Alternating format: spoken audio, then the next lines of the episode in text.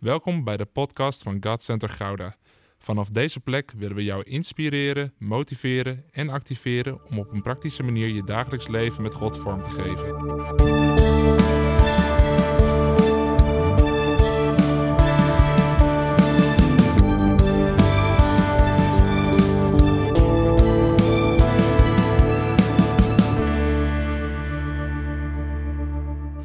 We zijn bij deel 2 van de miniserie van twee delen.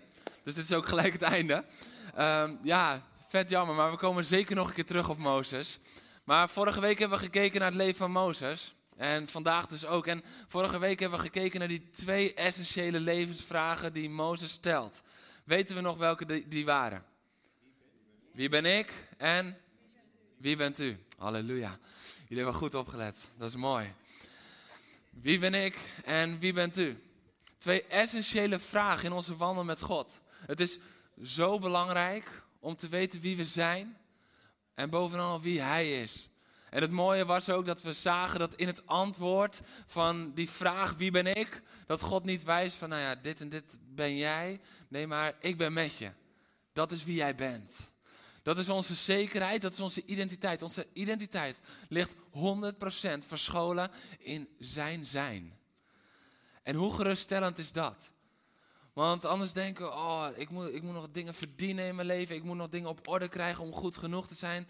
Om een waardige identiteit te kunnen dragen. Nee, maar hij zegt, nee, jouw identiteit is dat ik met jou zal zijn. Dat is jouw zekerheid. Daarin ligt alles verborgen. Dus jij bent omdat hij met jou is. En we hebben gezien hoe God die antwoorden gaf in het leven van Mozes. En dan zou je toch bijna gaan denken van wauw, als we onze identiteit weten en we weten wie hij is. Wauw, dan zijn we helemaal klaar om te gaan. Dan zijn we klaar om te gaan vol van de kracht van de Heer. En dan gaan we doen waartoe hij ons heeft geroepen. Maar niets is minder waar.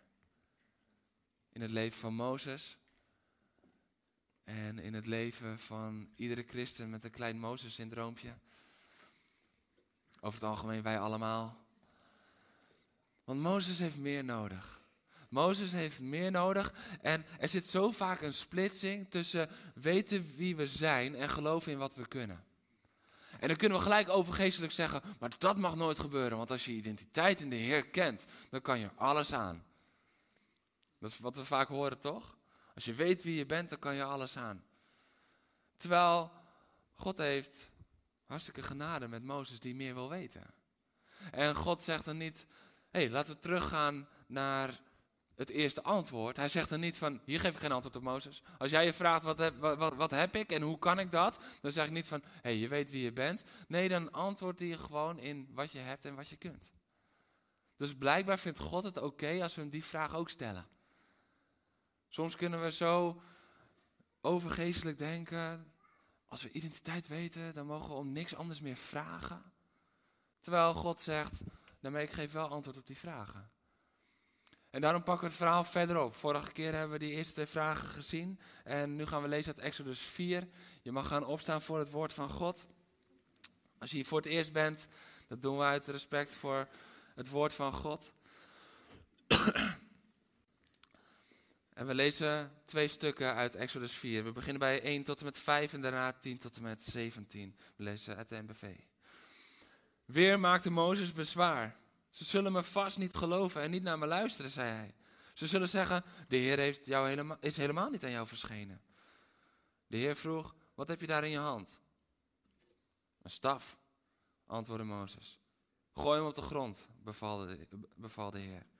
En toen Mozes dat deed, veranderde de staf in een slang. Mozes deinsde achteruit. Maar de Heer zei tegen hem, grijp de slang bij zijn staart. Toen Mozes dat deed, veranderde, uh, veranderde in zijn hand de slang weer in een staf. De Heer zei, hierdoor zullen ze je geloven dat de Heer, de God van hun voorouders, de God van Abraham, de God van Isaac, de God van Jacob, aan jou verschenen is. Dan doet God nog een wonder en dan komt Mozes weer met zijn antwoord. Maar Mozes antwoordde, neemt u mij niet kwalijk, heer. Maar ik ben niet zo goed in spreken.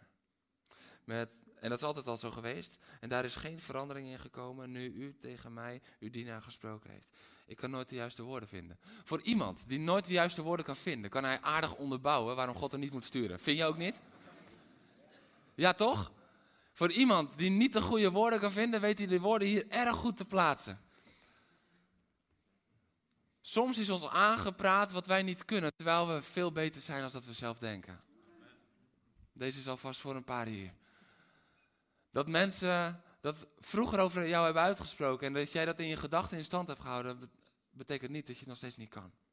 Misschien was Mozes vroeger niet zo'n goede spreker en dacht hij dat nu nog steeds, terwijl hij erg goed in debatteren met de Heer is. Jammer is dat hoe goed je ook bent, dat je altijd verliest. Ik kan nooit de juiste woorden vinden. De Heer zei, wie heeft een mens een mond gegeven? Wie heeft iemand stom of doof, ziende of blind gemaakt? Wie anders dan ik, de Heer? Ga nu. Ik zal met je zijn. Daar komt het antwoord weer terug, hè? Ik zal met je zijn. Als je moet spreken en je de woorden in de mond leggen. Maar Mozes hield vol. Neemt u mij niet kwalijk, Heer. Stuur toch iemand anders. Wie u maar wilt. Nu werd de Heer kwaad op Mozes. Je hebt toch een broer, de leviet Aaron, zei hij. Ik weet dat hij wel bespraakt is. Hij is al naar je onderweg en zal blij zijn je te zien. Hm. Vertel jij hem wat hij moet zeggen. Dit is grappig, hè? We denken dan van, oh, God vervangt Mozes. Want Aaron gaat spreken. Niets van dat is waar. Want Mozes moet nog steeds de juiste woorden vinden. God doet het anders uit genade voor Mozes, maar hij houdt het precies de opdracht in stand. Waarom? Want Mozes moet precies tegen Aaron gaan zeggen wat Aaron dan naar het volk gaat vertellen. Dus exact de woorden van Mozes worden exact de woorden naar het volk. Aaron is slechts een spreekbuis. We zien dat God vasthoudt aan zijn plan. Soms denken we van, oh nee, dan komt er een plan B. Nee, nog steeds plan A. Alleen de vorm is een andere vorm. Dus jij vertelt hem wat hij moet spreken. Hij zal in jouw plaats het volk toespreken. Hij zal jouw mond zijn. Je zult zijn God zijn. En neem je staf in je hand. Dan komt die staf weer terug. Want daarmee moet je de wonderen doen. Mag lekker gaan zitten.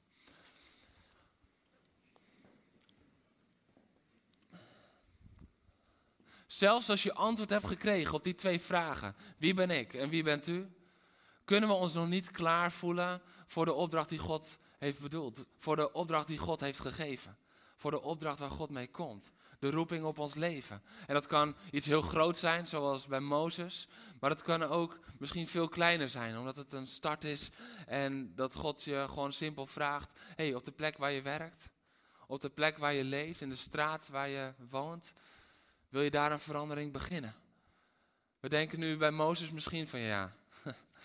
Ik hoef gelukkig geen volksverhuizing te leiden. Dit is een mooi voorbeeld van toen, maar dat is niet voor mij op toepassing.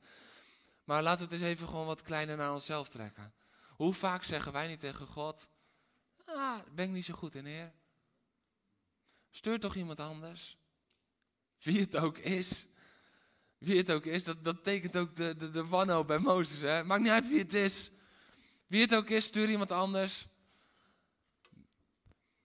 Maar dat is wat hier gebeurt. Als we niet de antwoord, het antwoord hebben op de vraag, wat heb ik en wat kan ik?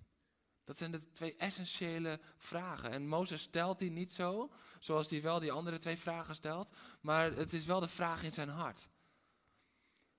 En vandaag gaan we het hebben over overwin je onzekerheden.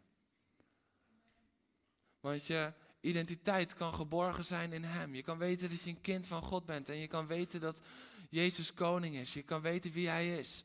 En dat je door Hem gered bent. Je kan je volledig zeker zijn van het eeuwig leven dat je hebt ontvangen. En nog steeds kan je denken van ja, maar wie ben ik om dat te gaan doen? Stuur toch iemand anders. Ik kan dat niet. Dat is niet voor mij. Voor mij tien anderen. Heer, heeft u hem niet gezien? Hij kan dat zo goed. Heer, heeft u haar niet gezien? Zij doet dat zo fantastisch. We zijn allemaal net zo wel bespraakt als Mozes. Als het aankomt op smoesjes verzinnen waarom wij niet geschikt zijn. Maar het komt niet omdat we niet willen. Het komt niet omdat we niet willen. We zullen zo direct zien. Mozes had een passie voor het volk Israël. Dus de reden dat hij al 40 jaar in de woestijn leefde, was de passie voor het volk Israël. Want hij was als Egyptenaar, zo werd hij opgevoed, met Hebreeuws bloed, maar als Egyptenaar aan het hof van de farao was hij opgekomen voor zijn volk. En het kostte hem zijn leven. Je kan van Mozes niet zeggen dat hij geen passie had voor het volk Israël. Je kan van hem wel zeggen dat hij heel erg onzeker was over wat hij kon en wat hij had. En ook dat is niet gek, want hij had natuurlijk helemaal niets. Hij had een staf in zijn hand. Maar hij past op de kudde van zijn schoonvader. Dus als herder, daar hebben we het vorige week al kort over gehad, dat was al de laagste in rang. En dan had je ook nog eens niet je eigen kudde, maar die van je schoonvader. Dat is nou niet zo van, hé, hey, ik stuur een kaartje naar Egypte, van jullie zullen me wel missen, maar het gaat hier echt super lekker.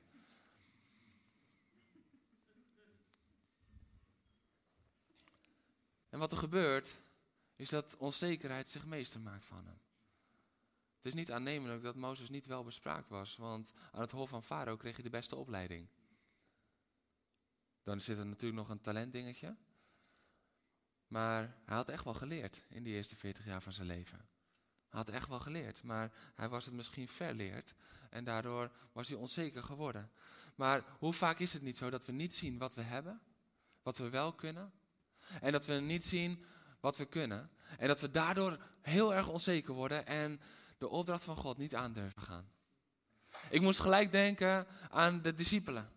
Ja, ja, we hebben hier wel vijf broodjes en twee visjes, maar wat kunnen we ermee? Da daar hebben we toch niets aan? Is dat niet vaak wat we ervaren van ja, ik heb wel iets, maar wat is dat waard? Ik heb wel iets, maar dat is toch veel te weinig? Daar kan ik toch niet genoeg mee doen? Ja, ik heb wel iets met me meegenomen, maar kijk eens naar hem of kijk eens naar haar. Dan stelt dit toch niks voor. Dan zijn dit maar vijf broodjes, twee visjes. En weet je wat zo mooi is? Steeds weer zien we dat God dan niet zegt, inderdaad, ik heb je te weinig gegeven. Weet je wat? God komt in actie. En ik geef je meer. Weet je dat dat heel vaak is het godsbeeld dat we hebben? Heer, geef me meer. Geef me meer om tot zegen te kunnen zijn. Terwijl hij zegt, nee, ik wil meer gaan gebruiken wat jij al hebt. Mozes krijgt niks nieuws, maar zijn staf krijgt een upgrade. Ja, want Mozes heeft een staf. En de Heer zegt dan, Mozes, wat heb je daar in je hand? Ja, een staf. Want dat is logisch, ik ben een herder. Je, je hoort het hem bijna denken, is logisch. Want dan kan ik af en toe de schapen een beetje erbij houden. Dat heb ik nodig als herder. Maar ja, herder is nou niet direct het aanzien. Dus het was nou niet direct het teken van aanzien. Het was teken van herderschap, maar niet van status of autoriteit. Ja, over een paar schapen, maar niet onder de mensen. En Heer, nu vraagt u mij om een kudde mensen te gaan leiden. Beter geeft u me wat anders als een staf. Maar God zegt niet, ik geef je wat anders als een staf. God zegt, hé, hey, zullen we gaan kijken naar wat jij al hebt? En mag ik dat aanraken? Op het moment dat Jezus de vijf broden en twee vissen aanraakte, werd het een maaltijd voor duizenden, duizenden, duizenden mensen. Mag ik aanraken wat jij al hebt? Dat is de vraag die God stelt. Ja, maar wat heb ik dan? Dat weet ik niet, maar je hebt in ieder geval een staf. Je hebt in ieder geval een staf en dat is meer dan genoeg. Want God wil die staf aanraken. Hij geeft Mozes niks nieuws. Te vaak zitten we in de wachthouding als kerk, als christenen, als kinderen van God, als discipelen. Heer, als u mij dit geeft, dan ga ik volledig. Ken je die belofte? Heb je hem wel eens gemaakt naar God? Ik wel hoor, vroeger. Ik voel me best wel alleen op dit moment. Ah, het is interactie met elkaar. Maar ik heb dat vroeger zo vaak gebeden. Heer, als u dit doet, dan. Heer, als u. En de Heer zegt: Kijk wat je al hebt. Laat mij het aanraken. Laat mij erbij. En je hebt alles wat je nodig hebt. Die staf was verbonden aan de wonderen in Egypte, waardoor bevrijding zou komen.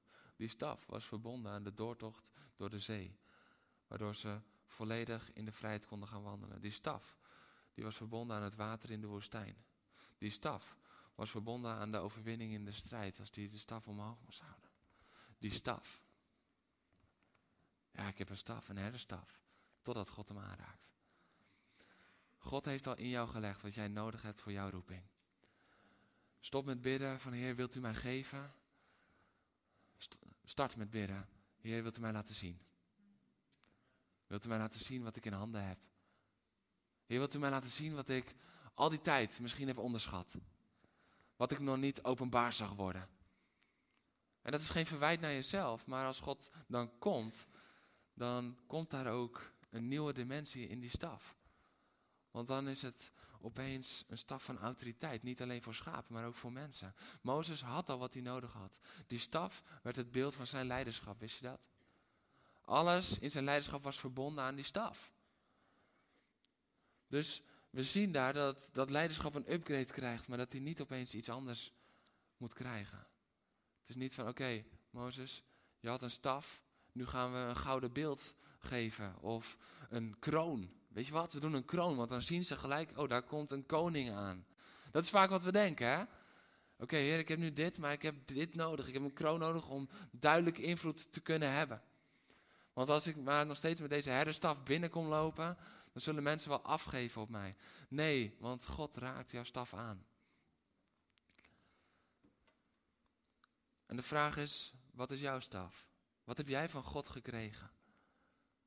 Want als je daarachter komt, en als je dat gaat zien en erkennen, dan kan je daarin God gaan volgen. Weet je, Mozes erken, toen God vroeg, wat heb je daar? Een staf. Gooi het op de grond. Ben je bereid om dan die staf op de grond te gooien? Het is heel onnatuurlijk voor een herder om zijn staf op de grond te gooien. Het is heel onnatuurlijk voor een herder. Maar hij gehoorzaamt. En daar ontdekt hij van, oh maar wacht eens even. Deze staf is door God geraakt. Want hier begint iets bovennatuurlijks te komen waar ik in het natuurlijke nog niet zag. Wat de potentie was. Vijf broodjes en twee visjes zijn een heel natuurlijk iets. Totdat het in de handen van Jezus gebroken wordt en het bovennatuurlijke begint te stromen. Maar het moet in de handen van Jezus komen. Dat wat God jou heeft gegeven, dat, weet je, een talent of een gave, het moet in de handen van God komen. Want dan wordt het bovennatuurlijk. Weet je, tot de tijd dat je het aan God geeft, dan kan het best als, als een talent erkend worden. Weet je, het is niet zo dat muzikanten over het algemeen pas muziek kunnen gaan spelen als ze hun hart aan de Heer hebben gegeven. Dat talent zit er vaak al. En dan, en dan spelen ze en dan, en, en dan spelen ze en ze kunnen te gekke dingen doen op die instrumenten. Maar het is nog niet tot bovennatuurlijke zegen, want het is gewoon een talent. En dat is prachtig, maar dan op het moment dat God aanraakt en het wordt aanbidding, dan wordt het een wapen. Een gitaar is een instrument, zolang het geen aanbidding is. Maar Niels, man, jij bent gewapend. Jij bent gewapend. Maar weapon is een melody. Jij bent gewapend. En dat is omdat het iets van God is in jou en hij heeft het aangeraakt. Dat talent voor muzikaliteit zat er al. Maar toen hij jou raakte en je ging hem dienen, toen kreeg het een nieuwe dimensie. Weet je, het is, het is niet zo dat Niels was supergoed in gitaar spelen. God raakte hem aan en hij kon opeens heel goed voetballen en geen gitaar meer spelen. Maar dat is vaak wat we denken. Van, heer, u moet iets nieuws. Nee, datgene wat hij al in jou heeft gelegd. God maakt geen fout in zijn schepping. Dit is een hele diepe identiteitsprincipe. Als wij denken dat God nog iets aan ons moet geven, dan denken we dus eigenlijk dat zijn schepping niet compleet was. Hij heeft in jou gestopt wat in jou gestopt moest worden. Om ten volle tot bloei te kunnen komen. Ten volle in zijn koninkrijk te kunnen bouwen. Alles zit al in jou. Zijn soms dingen nog verborgen? Ja. Maar hoeft hij het niet te geven, hij moet het openbaren. Hij moet het naar boven brengen in je. En moeten er soms dingen naar een nieuw level, in een nieuw seizoen? Ja. Want Niels speelde al vroeg op zijn gitaartje, maar toen kwam hij tot Jezus en toen werd het aanbidding, werd het een wapen. Nieuw level? Ja, zo werkt dat. Maar het is niet opeens iets nieuws. Hij heeft, toen hij jou maakte, alles in jou gelegd wat jij in je leven nodig hebt. Hoe, gerustgevend, hoe rustgevend is dat? Ik word er zo gerust van. Heer, ik heb alles in mij wat ik nodig heb om uw roeping te leven. Misschien niet alles in mij voor mijn eigen dromen. Dat is waar we vaak vastlopen. Omdat we te veel willen lijken op een ander. Maar ik heb alles om te leven in de roeping die u voor mij heeft. Uw dromen voor mijn leven. Alles zit in mij. Zie ik zelf alles al? Nee. Mozes zag voor het gesprek met God, zag hij die staf gewoon als een noodzakelijk ding om de schapen bij elkaar te houden. Snap ik alles al? Nee. Mozes snapt het nog steeds niet. Maar is het er? Ja, het is er. Jij hebt wat je nodig hebt om te kunnen wandelen in de roep, roeping van God. En de tweede vraag is eigenlijk, ja, wat, wat kan ik dan? Of vooral, maar ik kan toch niet? Want God heeft Mozes gewezen in vers 1 tot met 5 op wat hij in zijn handen heeft. Maar dan begint Mozes weer. Neemt u mij niet kwalijk, Heer, maar ik ben niet zo'n goede spreker. Dat is altijd al zo geweest. Hm. Mozes heeft gehoord wie die is. Heeft gehoord wie God is. Heeft gehoord wat hij in handen heeft. En nog is het niet genoeg. Daarom, weet je, soms kunnen we in de kerk zo makkelijk doen. Je kan toch niet onzeker zijn als je je identiteit weet als kind van God? Blijkbaar kan je heel goed onzeker zijn als je net hebt gehoord wie God is en wie jij bent. En dan kunnen we overheen walsen en dan een geestelijk sausje eroverheen gooien. Of we kunnen zeggen van, hé, hey, zullen, we die, zullen we die onzekerheden gaan overwinnen met elkaar? Zullen we het woord van God er tegenover gaan stellen? Zonder jou tekort te doen en de pijn in je hart daarin tekort te doen. Het is zo belangrijk om daarin gewoon de bevestiging van God te horen. En hij begint nog een keertje en de Heer zegt dan, wie heeft de mensen mond gegeven? Wie heeft de mensen stom gemaakt of doof, ziende of blind? Wie anders dan ik? En dan, ga nu, ik zal met je zijn. En als je moet spreken, zal ik je de woorden in de mond leggen. Weet je, datgene waar jij zelf van overtuigd bent dat je niet kan. God in jou kan dat wel. En dat is niet om je goedkoop ervan af te maken, want hij moest dan wel gaan. Hij zegt, ga nu. God kan Mozes pas de woorden in de mond leggen als hij bereid is om te gaan. Jij mag bereid zijn om te gaan, nog voordat je precies zeker bent van of je het wel helemaal kan. Als ik iedere keer zou wachten, op het moment dat ik zeker zou zijn dat ik het helemaal zou kunnen, man, dan had, had mijn leven er heel anders uitgezien. Had ik niet eens naar Peter durven stappen. Ja, ja. Op een moment, als je getrouwd bent, heb je waarschijnlijk heb je een stap gemaakt waarvan je denkt, nou, ik weet niet of ik dit kan. Maar wauw, beter ga ik het doen. Ja, toch? Je hoeft niet altijd helemaal zeker te weten dat je het kan om te gaan. Want God zegt hier, ga en ik zal je de woorden in de mond leggen. Weet je hoe vaak dit de realiteit is? Dat ik ervaar, Jeroen, je moet voor diegene bidden. En dan vraag ik iemand even naar voren of zo. En dat ik dan, dat zien jullie vaak niet, maar van binnen gebeurt het. Dat ik denk, heer, heer, ik heb nog geen idee. U moet nu, u moet nu. Maar God zet je daar niet voor paal. God stelt niet teleur. Als hij zegt ga en je gehoorzaamt aan het gaan, dan geeft hij ook wat je nodig hebt om te gaan. Dat is de realiteit. Hij legt die woorden in de mond. Weet je, terwijl God roept, blijft Mozes naar een vluchtweg zoeken. Valt het je op? Nou, Mozes, als je nou staat bij een brandende braamstruik en God heeft je verteld wie hij is. Hij heeft voor het eerst die naam Ik Ben geopenbaard. En jij was erbij, als enige. En dan vertelt hij ook nog wie jij bent. En dan heb je net een staf, een slang, een staf. Maar helaas en niet. Je hebt het net allemaal gezien. Hoe kan je nog zeggen? Hoe kan je nog zeggen dat jij het niet kan doen? Dat God iemand anders moet sturen. Hoe kan je nog zeggen? hey, deze zin is interessant, hè? Hoe kan je nog zeggen? Let op wat er staat. En daar is geen verandering in gekomen nu u tegen mij uw dienaar gesproken heeft. Mozes had wel lef. Hoe kan je dat nog zeggen? Mozes toch?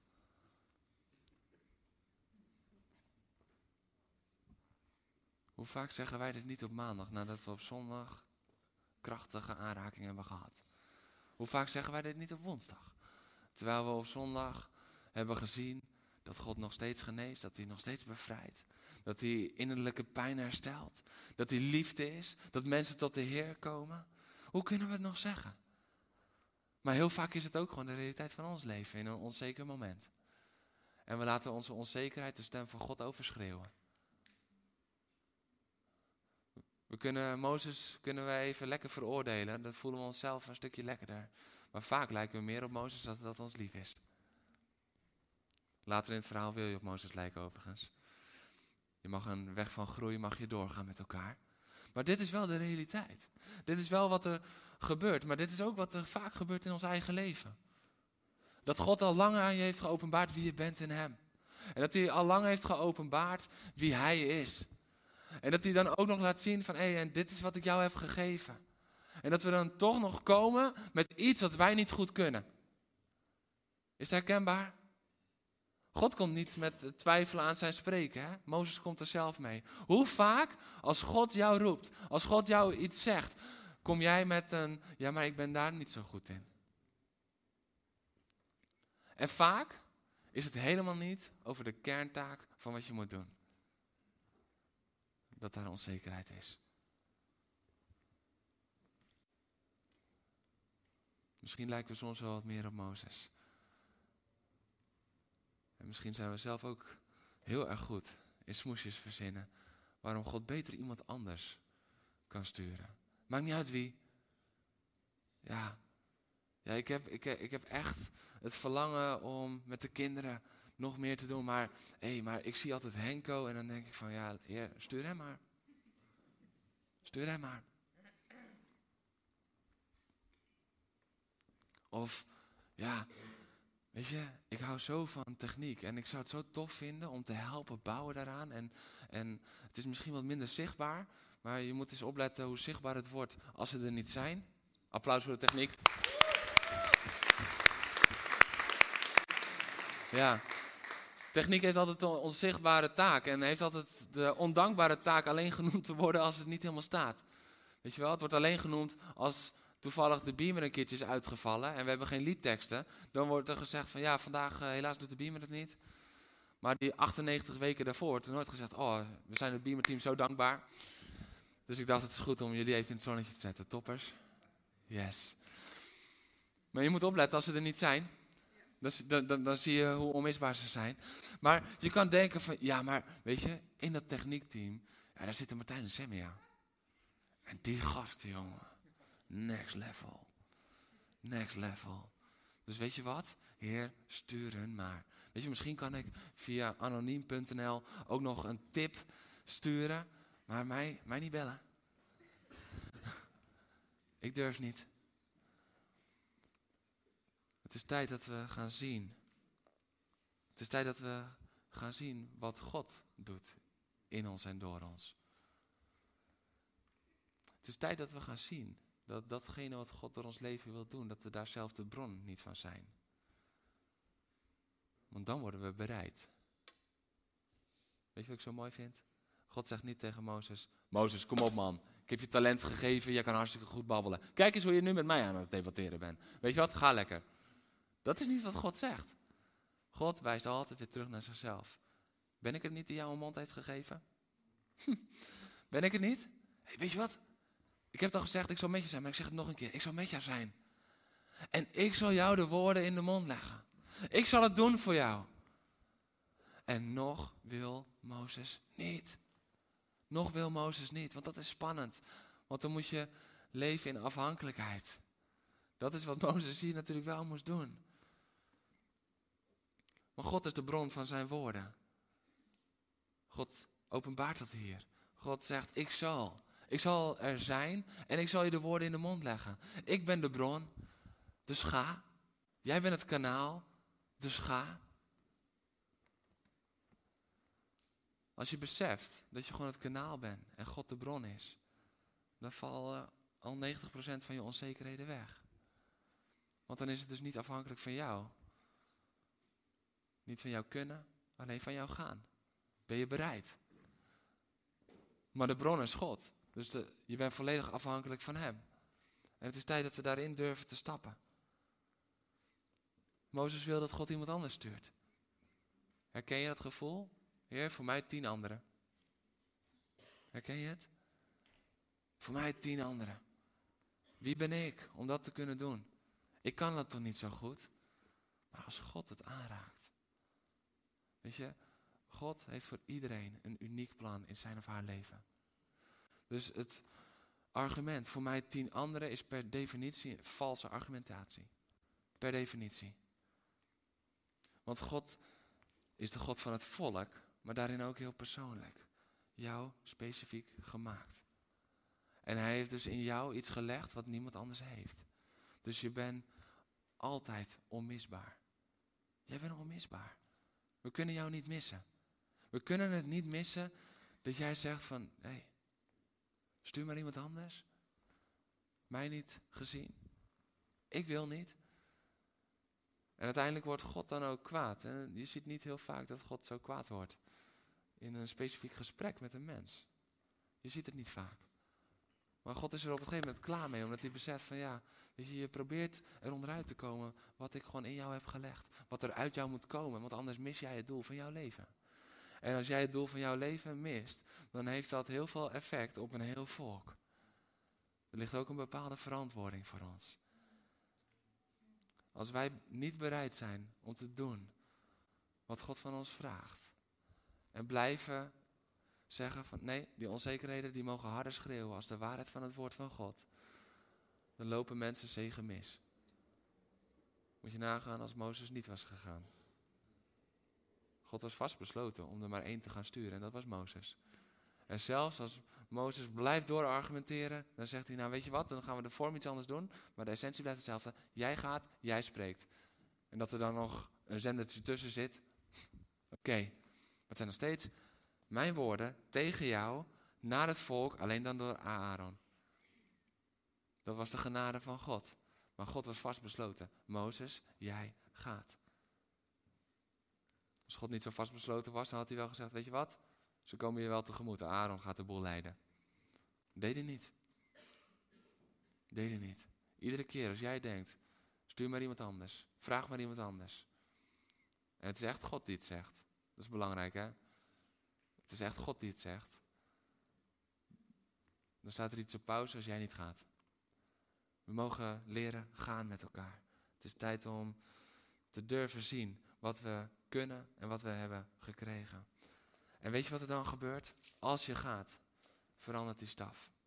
Als we in vers 20 iets verder lezen, dan lezen we, Mozes zette zijn vrouw en zijn kinderen op een ezel en hij ging op weg, terug naar Egypte. De staf van God hield hij in zijn hand. Daar is het de staf van God geworden. Op het moment dat hij ging. Als wij besluiten te gaan, dan gaat God het aanraken en dan krijgt je talent, je gave krijgt nieuwe autoriteit, nieuwe identiteit. Weet je, die eerste twee vragen, wie ben ik, wie bent u, dat gaat heel erg over identiteit. Maar deze vragen gaan over autoriteit. Heer, kan ik het wel? Kan ik die autoriteit wel dragen? Kan ik het wel brengen? Heb ik het wel? En God zegt, ja, want ik geef het jou in handen en ik geef het jou in je mond. En wat zo mooi is, we hebben net gelezen dat in jouw, uh, jouw mond, daardoor zal ik spreken tot het hele volk en neem je staf, want daarmee zul je wonderen doen. Wonderen en woorden. Weet je, dit is een rode lijn door het, door het hele woord. We zien Jezus ook continu, zien we wandelen in wonderen en in woorden. Ze moeten samen zijn. Je mond moet door de Heer geraakt worden en je staf moet door de Heer geraakt worden. Ze zijn beide nodig. Stel je voor dat Mozes alleen met woorden was gekomen, niet met wonderen bij Farao. Dan zaten ze daar nu nog opgesloten. Dat is de realiteit.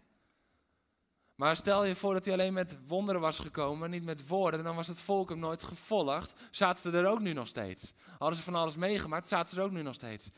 De kerk moet altijd een balans hebben tussen wonderen en woorden. Jouw leven moet altijd een balans hebben tussen wonderen en woorden. Dat is waarom Jezus ook de discipelen erop uitstuurt om het evangelie te prediken, woorden en wonderen en tekenen moet het volgen. Wonderen. Woorden en wonderen. We kunnen ze niet scheiden en dat zien we hier ook in het leven van Mozes. En die twee, als we die twee in ons leven gaan omarmen, dat gaat onzekerheden overwinnen. Dat gaat onzekerheden overwinnen. Want jij kan hier zitten en denken nog steeds van ja, supermooi Jeroen. En ik snap het van Mozes. Maar hé, hey, dat was wel een bijbelfiguur. Ik leef nu. En ik kan dat gewoon echt minder goed. Ik zie dat echt niet gebeuren. Maar God wil je bevestigen vandaag en zeggen: Jij bent mijn kind, ik ben jouw God. En ik heb geen één kind overgeslagen. Een goede vader slaat geen één kind over. Een goede vader heeft voor ieder kind precies evenveel aandacht. Een goede vader geniet ervan als zijn kind helemaal in bestemming komt, in zijn of haar bestemming. Een goede vader. God is een goede vader. Hij verlangt ernaar om jou te brengen op de plek waar je het meest vrucht draagt. Hij verlangt ernaar om jou vrij te zetten in de bediening die hij voor jou heeft. En misschien vind je bediening dan gelijk zo heel erg groot klinken en denk je van, oh, titels en nee. Gewoon de plek waar jij gesteld bent in jouw leven. Daar begint jouw bediening. Allereerst in je gezin. Als je gezin niet de plaats is waar je als eerste in je bediening stapt, beter wacht je nog met elke andere vorm van bediening. Dat is de eerste plek. Maar daaruit voort heeft God een specifieke opdracht. En je kan denken van ja, maar ik, ik draag dit met me mee, dus ik ben niet goed genoeg. Mozes had waarschijnlijk nog veel meer. Als, als God niet boos was geworden, had hij waarschijnlijk nog veel meer kunnen zeggen. Ja, Heer had me dat 40 jaar geleden geroepen. Toen had ik allemaal lessen gehad en, en toen was ik in aanzien was ik hoog. En toen had ik alle leiderschapsprincipes had ik nog vers. En nu heb ik 40 jaar heb ik op schapen gepast. Ik heb geen idee, Heer. Toen was ik capabel, nu niet meer. Hm. En ik ervaar heel sterk dat dit voor een aantal hier is, die iets meer op leeftijd zijn. Toen was ik capabel, maar nu niet meer. Toen had ik het, maar dat is over. Het is nu tijd voor de volgende generatie. Mag ik je eraan herinneren dat Mozes op late leeftijd werd geroepen? Voor de volgende generatie. En dat die volgende generatie zonder zijn gehoorzaamheid niet vrij was. We hebben nodig dat er Mozes opstaat. We hebben nodig dat Mozes weer de plek gaan innemen. Het is niet verleden tijd. Jouw roeping is geen verleden tijd. Je was niet toen alleen capabel, je kan ook nu. Sta op en ga staan in het woord van God. In de roeping van God. vraag of de worship alvast erbij wil komen.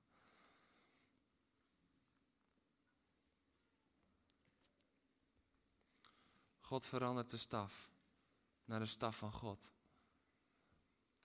En vanaf dat moment kan Mozes wandelen. Kan hij gaan. Kan hij voor Farao tevoorschijn komen. En Farao die geeft het volk natuurlijk gelijk mee, want die ziet die staf en dat wordt een slang en dan wordt het weer een staf en hij denkt. Dus hij geeft het gelijk mee. Oh nee, toch niet. Farao's hart keer op keer verhard. Keer op keer. Overwin je onzekerheden. Overwin je onzekerheden is niet alleen van overwinnen om op weg te durven gaan, maar het is ook overwinnen als je helemaal op weg bent. Want Mozes moest heel dicht bij God blijven. En heel dicht bij die roeping en die ervaring met God blijven. Om te blijven teruggaan naar Farao. Ik kwam erachter, ik was hierover aan het studeren en ik dacht van ja, heer, heel vaak hebben we heel veel uh, aandacht van, oh ja, maar ga nu maar, ga nu maar. En, en om iemand in die startblokken te krijgen en de start. Maar hoe zit het als iemand onderweg is? Het is echt niet dat er dan geen teleurstellingen meer komen hoor. Als je onderweg bent. Wij denken altijd van, weet je, we zijn nu op weg met de Heer, nu treft ons niets meer. Ja, en als je het heel overtuigend zegt, zouden jullie allemaal nog amen hebben geroepen ook. Want het klinkt heel geestelijk. Maar het is niet bijbels. Want het klinkt zo mooi. Mozes die kreeg tegenslag op tegenslag. volk moest hem op het gegeven moment niet meer. Maar het was iedere keer de Heer die weer ingreep, die hem weer terugtrok. En de farao verhardt en hij verhardt en hij verhardt en hij verhardt. En dan op het gegeven moment, dan denk je van, wow, ze zijn Egypte uit, nu eindelijk. Een seizoen van bloei. De zomer breekt aan. Ze zijn een paar dagen zijn ze door de zee gegaan. En het hele volk wil alweer terug. In de woestijn willen ze hem stenigen. In, het, in de woestijn klagen ze. In de woestijn, als hij op de berg is, dan hebben ze een andere God gekozen. Zo snel kan het gaan. Wees een paar dagen weg en teleurstellingen overwinnen, onzekerheden overwinnen. Wat denk je dat Mozes al die tijd heeft gevoeld? Hij moest iedere keer die staf met zich meedragen. En hij moest iedere keer het volk weer toespreken. Weet je wat daar gebeurde? Hij werd iedere keer werd hij weer teruggeworpen op zijn afhankelijkheid van God. De staf in zijn hand, de staf van de Heer. Maar ook iedere keer als hij tegen het volk sprak. Weet je, God zegt hier dat hij de woorden in zijn mond zal leggen. Als hij tot het volk spreekt. En wij denken dan vaak, ja, inderdaad. En dat pakken we dan twee hoofdstukken lang. En dan op het gegeven moment, als ze al jaren in de woestijn zijn, dan vergeten we dat het nog steeds iedere keer, als Mozes spreekt, is dat het God is die door hem heen spreekt. Dat was zijn leven lang. Er staat nergens, en nu stopte de Heer door de monden van Mozes te spreken en deed Mozes het vanzelf. Dat staat niet in Exodus 18 of zo. Maar dat is vaak wel hoe we erover denken en hoe we de focus verliezen. Hij bleef continu volledig afhankelijk van de woorden die God hem ingaf. En dat is wat we nodig hebben. Weet je waarom we zo vaak onzeker worden? Omdat we het op eigen kracht gaan doen. En dan falen we ook. De dingen die ik op eigen kracht heb gedaan, dat zijn de getuigenissen van hoe het niet moet. En dat is ook herkenbaar. Maar dat maakt ons vaak zo onzeker.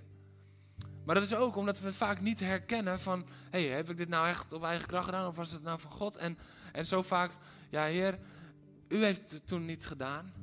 U kon toen niet opdagen. Ik heb het toen niet gezien.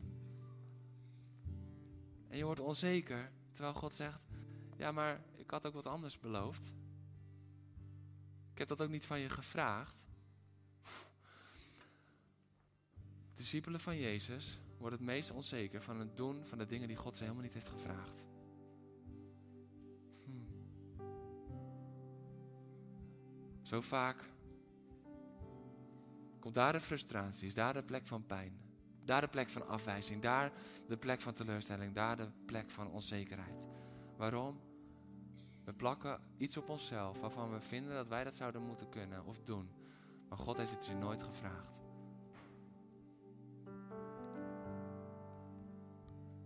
God vroeg twee dingen van Mozes: woorden en wonderen. Ga doen wat God van je vraagt. En ik geloof dat daar al een diepe genezing van al die onzekerheden zit. En als je zegt van ja, maar ik ben nog zo onzeker, ik kan nu toch niet gaan doen.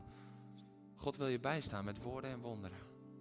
God wil je bijstaan door datgene wat Hij jou in handen heeft gegeven. Die staf die Hij jou in handen heeft gegeven. Om dat aan te raken zodat het niet meer jij is die met de staf loopt, maar de staf van de Heer die bij jou is. Zijn aanwezigheid in jou en met jou. En dan wilde hij ook nog zeggen van datgene wat ik van je vraag. Ik zal het je ingeven. Ik raak je daarin aan. Ik doe het voor je. Ik ben de bron. Ja, jij moet bereid zijn. Maar ik ben de bron. Ja, jij moet durven te gaan. Want we zien pas dat het de staf van de Heer werd toen die onderweg was. Zo vaak wachten we, Heer, raak mijn staf aan en dan zal ik gaan. Maar we moeten gaan. Dan raakt hij de staf aan.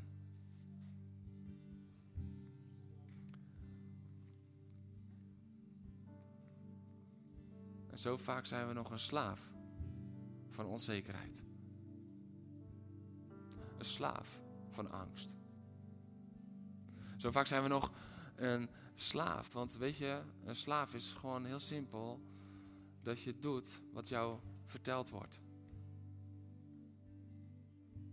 En zo vaak zijn de woorden van onzekerheid luider in ons hart en handelen we daarnaar in plaats van de woorden van God. Terwijl God zegt, maar ik zend jou. Ga. En ik zal het in je mond leggen, ik zal je staf aanraken. Ik zal wonderen doen, ik zal je woorden geven. Maar ik geloof dat God je vandaag wil bevrijden van die slavernij. wil bevrijden van die slavernij van onzekerheid. Wil bevrijden van die slavernij van angst. Bevrijden uit de slavernij van die teleurstelling. Bevrijden uit de slavernij van die pijn. Bevrijden uit de slavernij van dat verdriet. Hij wil je vrij hebben. Hij wil dat je vrij kan gaan staan en gaan waar Hij wil dat je gaat. Hij wil dat je volledig tot, bloei komt, want jij bent zijn kind. Dat is zijn verlangen voor jou.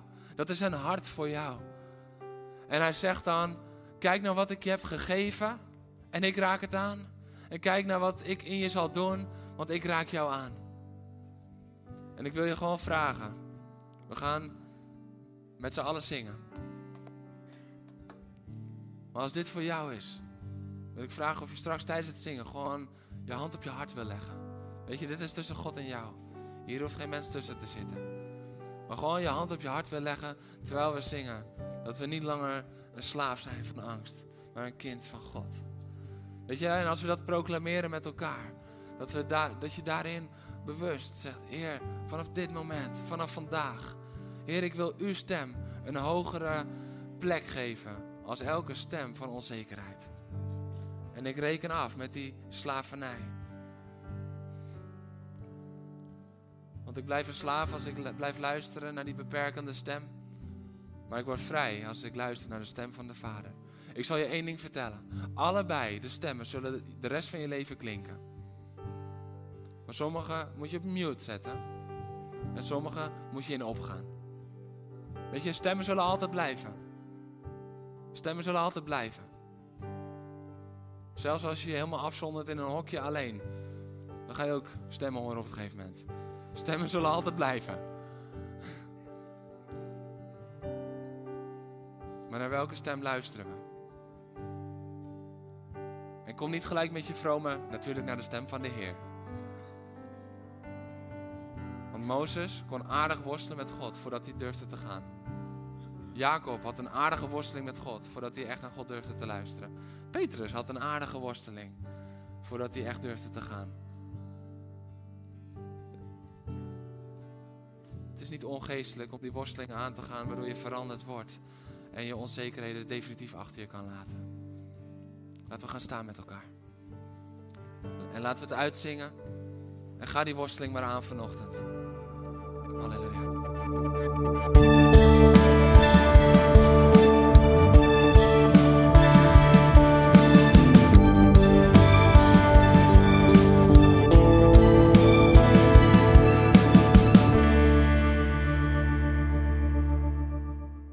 Bedankt voor het luisteren naar deze podcast. Volg ons op onze kanalen om verbonden te blijven. Heeft deze aflevering jou geraakt? Deel dan op je socials en tag ons, zodat we samen meer mensen kunnen bereiken.